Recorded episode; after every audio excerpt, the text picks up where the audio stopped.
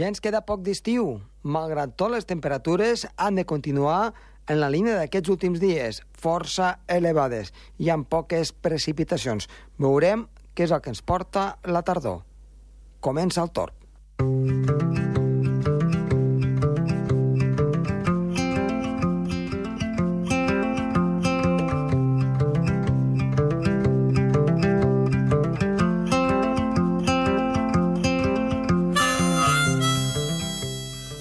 Avui tenim força temes a comentar en el programa Tor. Primer parlarem amb Sergi Càrteles, el qual ens ha de comentar tot el que ha succeït respecte als huracans i tifons de les darreres setmanes arreu del món que han portat doncs, força desgràcies, malauradament.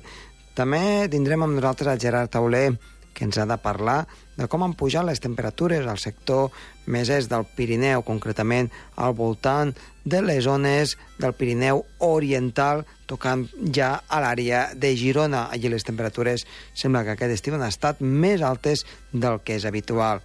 També avui hem de parlar una mica sobre l'espai. Parlarem sobre les galàxies, en, concretament sobre la galàxia Sagitari, que ha interactuat això fa força milions d'anys amb el que és la nostra Via Làctea. I finalment parlarem de mites meteorològics. Som-hi!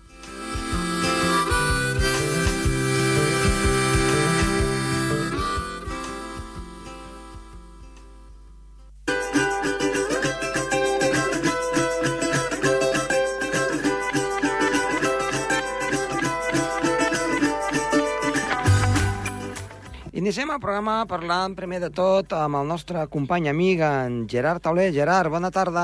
Hola, molt bona tarda, Josep Tomà. Què ens portes aquesta setmana? Doncs que aquest estiu ha sigut el segon més càlid des de, de 1950 a Figueres Cabanes i des de 1914 el tercer a Barcelona Fabra. Per tant, a zones mediterrànies on les temperatures aquest estiu Sí. Encara que no ens ho hagi semblat, han estat càlides. Sí, sí, sí, han sigut càlides. Han tingut isotermes de 1.500 metres molt altes, uh -huh. però persistència de les temperatures de, del voltant de 20 graus a 1.500 metres altes, l'aigua del mar que ha sigut molt calenta i, i la pluja escassa en aquestes zones, juntament amb vents terrals, ha, ha afavorit doncs, que aquestes zones han sigut altes les temperatures. Però, en canvi, al Pirineu, com les isotermes no eren altes a 1.600 metres, doncs ha sigut un estiu més una mica càlid. Eh, per tant, amb, amb, amb poques... Amb diferències, sí, aquest sí? estiu no, no ha sigut homogeni. No, no, no, no i, i, ni molt menys, no? En tota l'àrea mediterrània, que eh, va, tocant els Pirineus molt plujós, en tenim un bon exemple sí, sí, sí, sí. amb el munt de bolets que s'estan collint, i Sí. en canvi a pocs quilòmetres el que tu es, estàs explicant.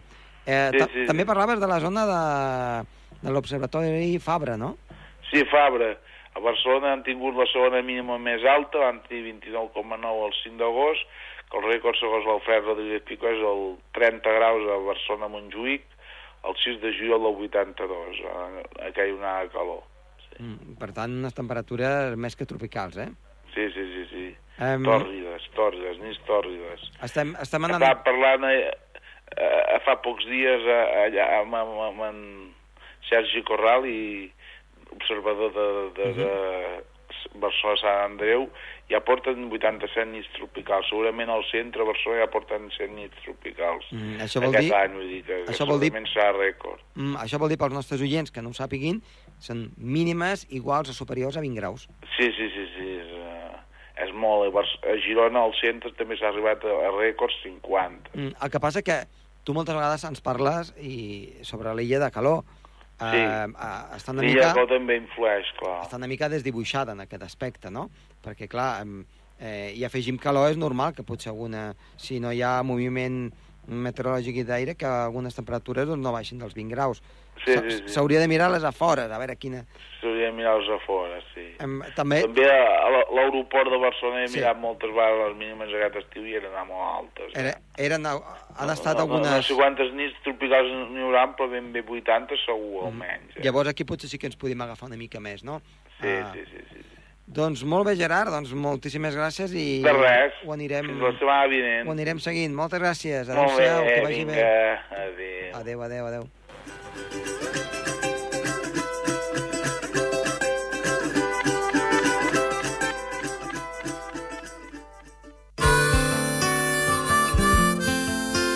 El Torb, amb Josep Tomàs.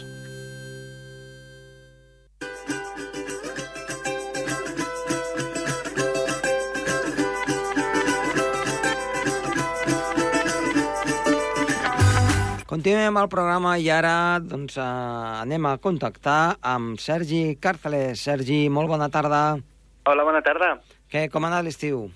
Bé, bé, bé, l'estiu ha anat bé, bastant aprofitós, ja la gent haurà sentit, m'haurà sentit durant el llarg de bastants dies que estava fent el temps aquí a la cadena, i bé, molt bé, molt bé, l'experiència molt maca, i ara, doncs, amb aquesta segona temporada del Torb, doncs aquí explicant fenòmens meteorològics. Molt bé, doncs eh, comencem. Què ens portes aquesta setmana?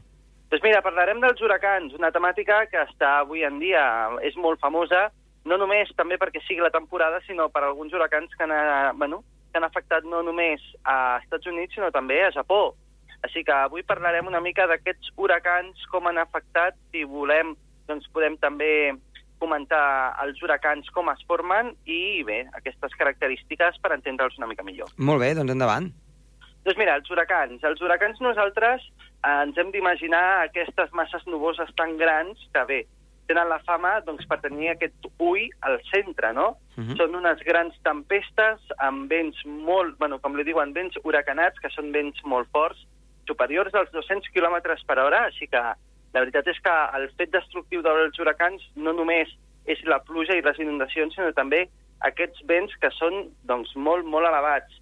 I bé, eh, hem de diferenciar que eh, a vegades sentirem en els mitjans de comunicació de que a vegades diuen huracà, a vegades diuen cicló, a vegades diuen tifó.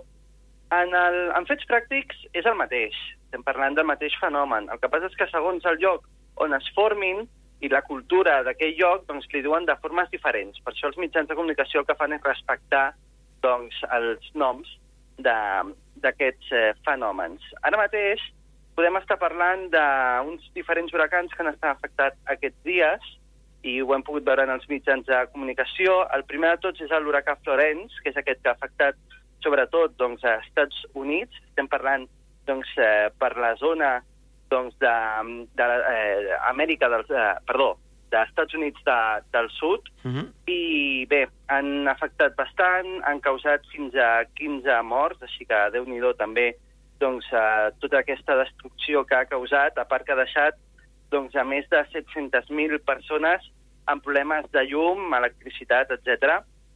I bé, cal dir que aquest huracà ara ja doncs, ha passat història, ara ja és una depressió, que això és quan ja comença doncs, a disminuir la seva força, i parlant de depressions, hem de comentar de que, bé, aquí a prop de casa nostra, eh, sobretot eh, podem dir a les Illes Azores, doncs eh, fa poc va haver també una depressió tropical que ha causat doncs, bastantes pluges i vents bastant forts. No ens hem de preocupar, no estem parlant de cap huracà d'aquests que es van aproximar a l'any passat, però bé, també cal dir doncs, que eh, és la temporada ara dels huracans, més que res perquè ha passat l'estiu i ara el mar i els oceans doncs, estan més calents que bé, altres èpoques de l'any. També hem de dir que hi ha eh, altres huracans que s'estan formant ara mateix o hi ha bastantes possibilitats de que es formin.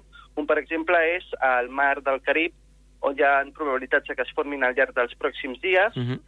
o també doncs, hem de dir que en el Pacífic, sobretot per la zona de Baixa Califòrnia, eh, al llarg d'aquests dies també es formarà amb bastanta probabilitat un huracà que bé, encara hem d'esperar aviam quin nom li posen. déu nhi per tant, hi ha força moguda meteorològica, podríem dir.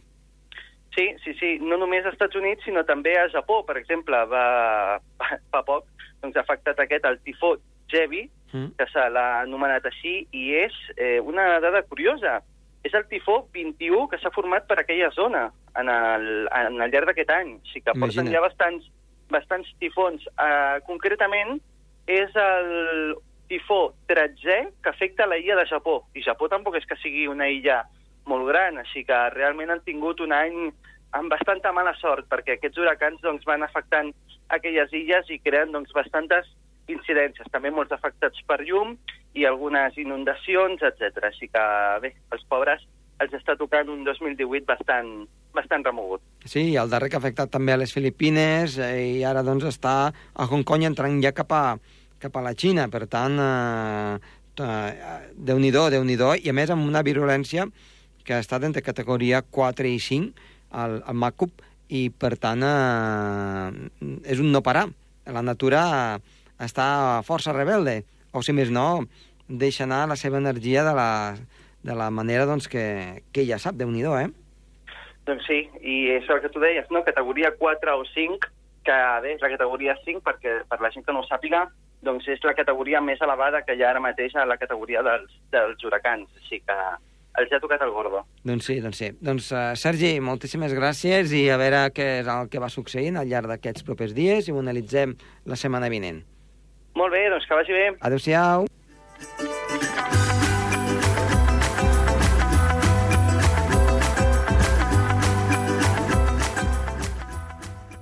El Torb, amb Josep Tomàs.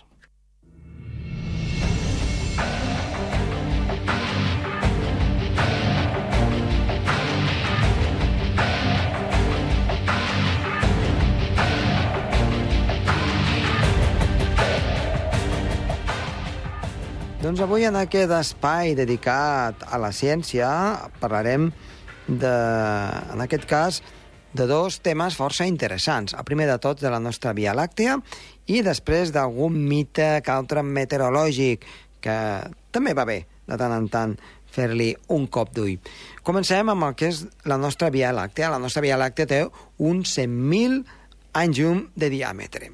Què és el que li ha passat? Doncs els últims descobriments, els astrònoms han publicat ara fa pocs dies en diferents revistes científiques d'astronomia que fa aproximadament uns 300 a 900 milions d'anys, per tant, eh, no fa tant, una petita galàxia que s'anomena Sagitari, tots l'hem vist en el cel, si ens situem bé, la galàxia Sagitari, va creuar pràcticament a uns 50.000 anys llum del que és el nucli de la galàxia. Això vol dir que la va atravessar pel mig.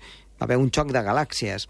Um, hem de considerar que, igual que tenim la Terra i tenim la Lluna, la nostra Via Làctia, que és una galàxia, té alguna altra petita galàxia que està al voltant com si fos un satèl·lit. I una d'elles és aquesta eh, galàxia que s'anomena Sagitari, que és petiteta, que la tenim molt, a, molt a la vora nostra i que ara, i, i cada X anys, cada X milions d'anys, doncs ens atravessa per la, per la meitat, podríem dir, el que passa que la nostra força gravitacional de la Via Làctea la va absorbint i es creu que en les properes passades que pugui fer pràcticament haurà desaparegut perquè s'haurà integrat en el que seria la nostra pròpia galàxia.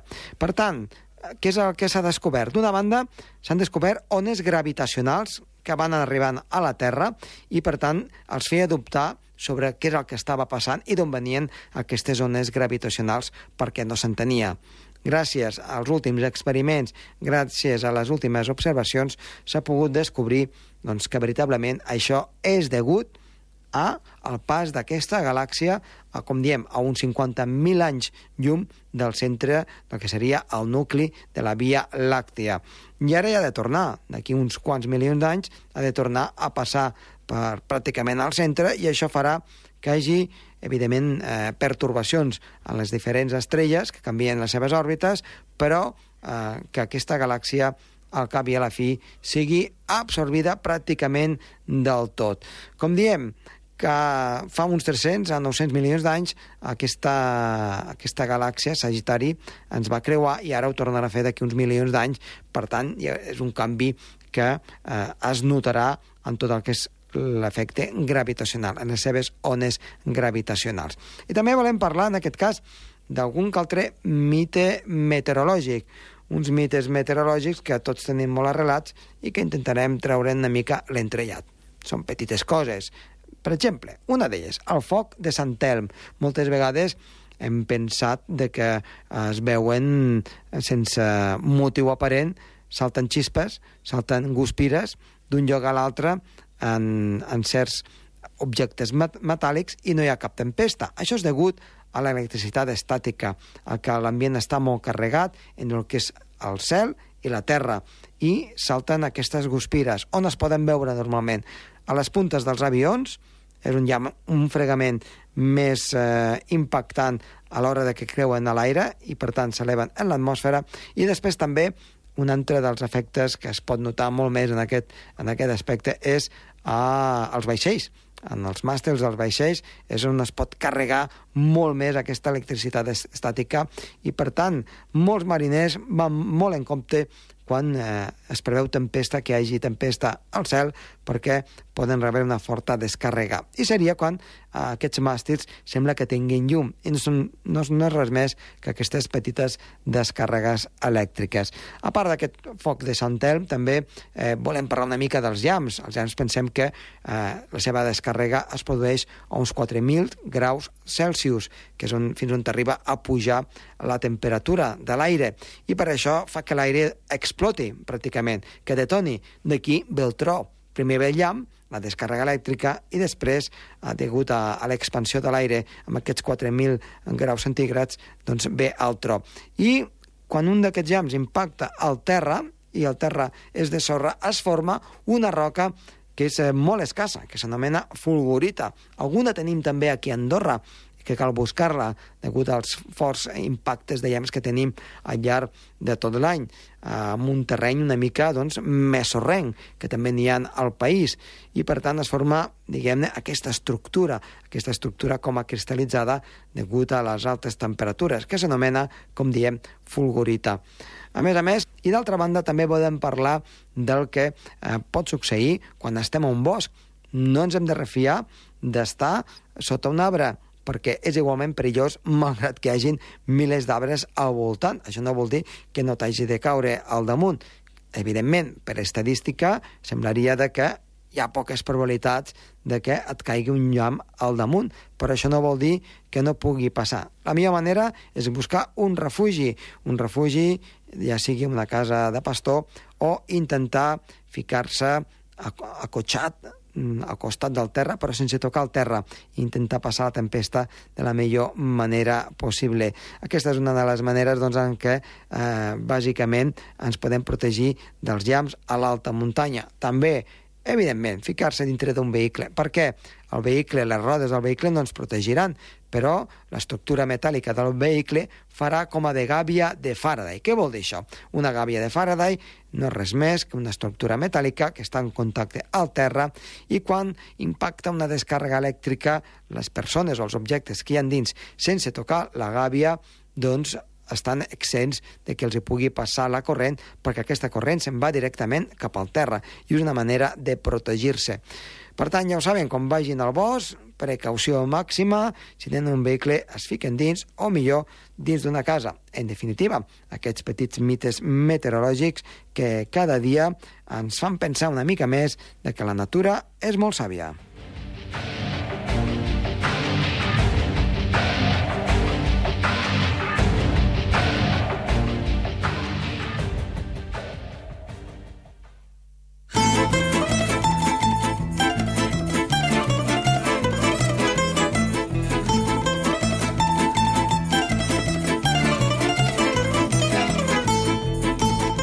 Doncs anem amb la previsió meteorològica per aquests propers dies. Comencem amb... Pensem primer de tot que acabem l'estiu des del punt de vista astronòmic, que és prou important, i començarem la tardor. La tardor que potser arribaria la setmana que ve. Ara ho acabarem de dir. Però de moment el que tindrem és continuació de l'estiu, amb caloreta, fins i tot una mica de calor, no excessiva, però sí que eh, les temperatures continuaran sent elevades tant dissabte com diumenge. Potser dissabte poden baixar una miqueta a l'alta muntanya. De fet, el cel quedarà asserenat i, per tant, no esperem precipitacions i molt pocs núvols al llarg de tot el que és la jornada de dissabte. Diumenge, per contra, al matí estarà serè i a la tarda amb algun que altre núvol. De fet, hi haurà un front que s'acostarà i a última hora de diumenge pot deixar alguna nuvolada una mica més important i fins i tot no descartem alguna gota a l'alta muntanya, molt poca cosa, les temperatures, però, diumenge amb tendència a pujar.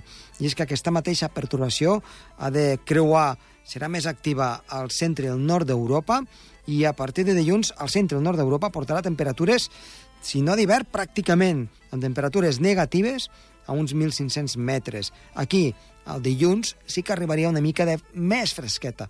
Baixarien 5-7 graus les temperatures, no faria fred, però no serien tan elevades com aquests darrers dies i fins i tot dilluns podríem tenir algun episodi de precipitació. Ho aniríem veient, però de moment, fins a que és la jornada de diumenge, com diem, que canvia l'estació, eh, la situació serà de màxima tranquil·litat. I també volem parlar mínimament d'un succés que ara mateix ja està passant i que es pot allargar durant el cap de setmana. De fet, s'espera que encara dissabte sigui actiu i és que en, entre les illes de Sicília, Còrsega i també tota aquesta zona del Mar Tirrei que afecta eh, la zona d'Itàlia s'ha format, s'està formant a hores d'ara i es continua formant una pertorbació molt activa, el que s'anomena un medicane. Què és un medicane? Doncs eh, seria l'equivalent a un huracà, però del Mediterrani. Són eh, petites eh, tempestes, petites depressions, amb molta virulència, que poden superar els vents als 150, fins i tot 200 km per hora. Hi ha precipitacions torrencials, com la dels huracans, però amb menor en aquesta magnitud, en aquest, en aquest cas, perquè, evidentment, doncs, eh, són molt més petits, però igualment, puntualment, amb aquesta virulència, i també l'anirem seguint al llarg d'aquests propers dies per veure quina afectació té en tota aquesta. En definitiva, aquí, una situació ben tranquil·la, assolellada, i encara gaudint de temperatures força elevades.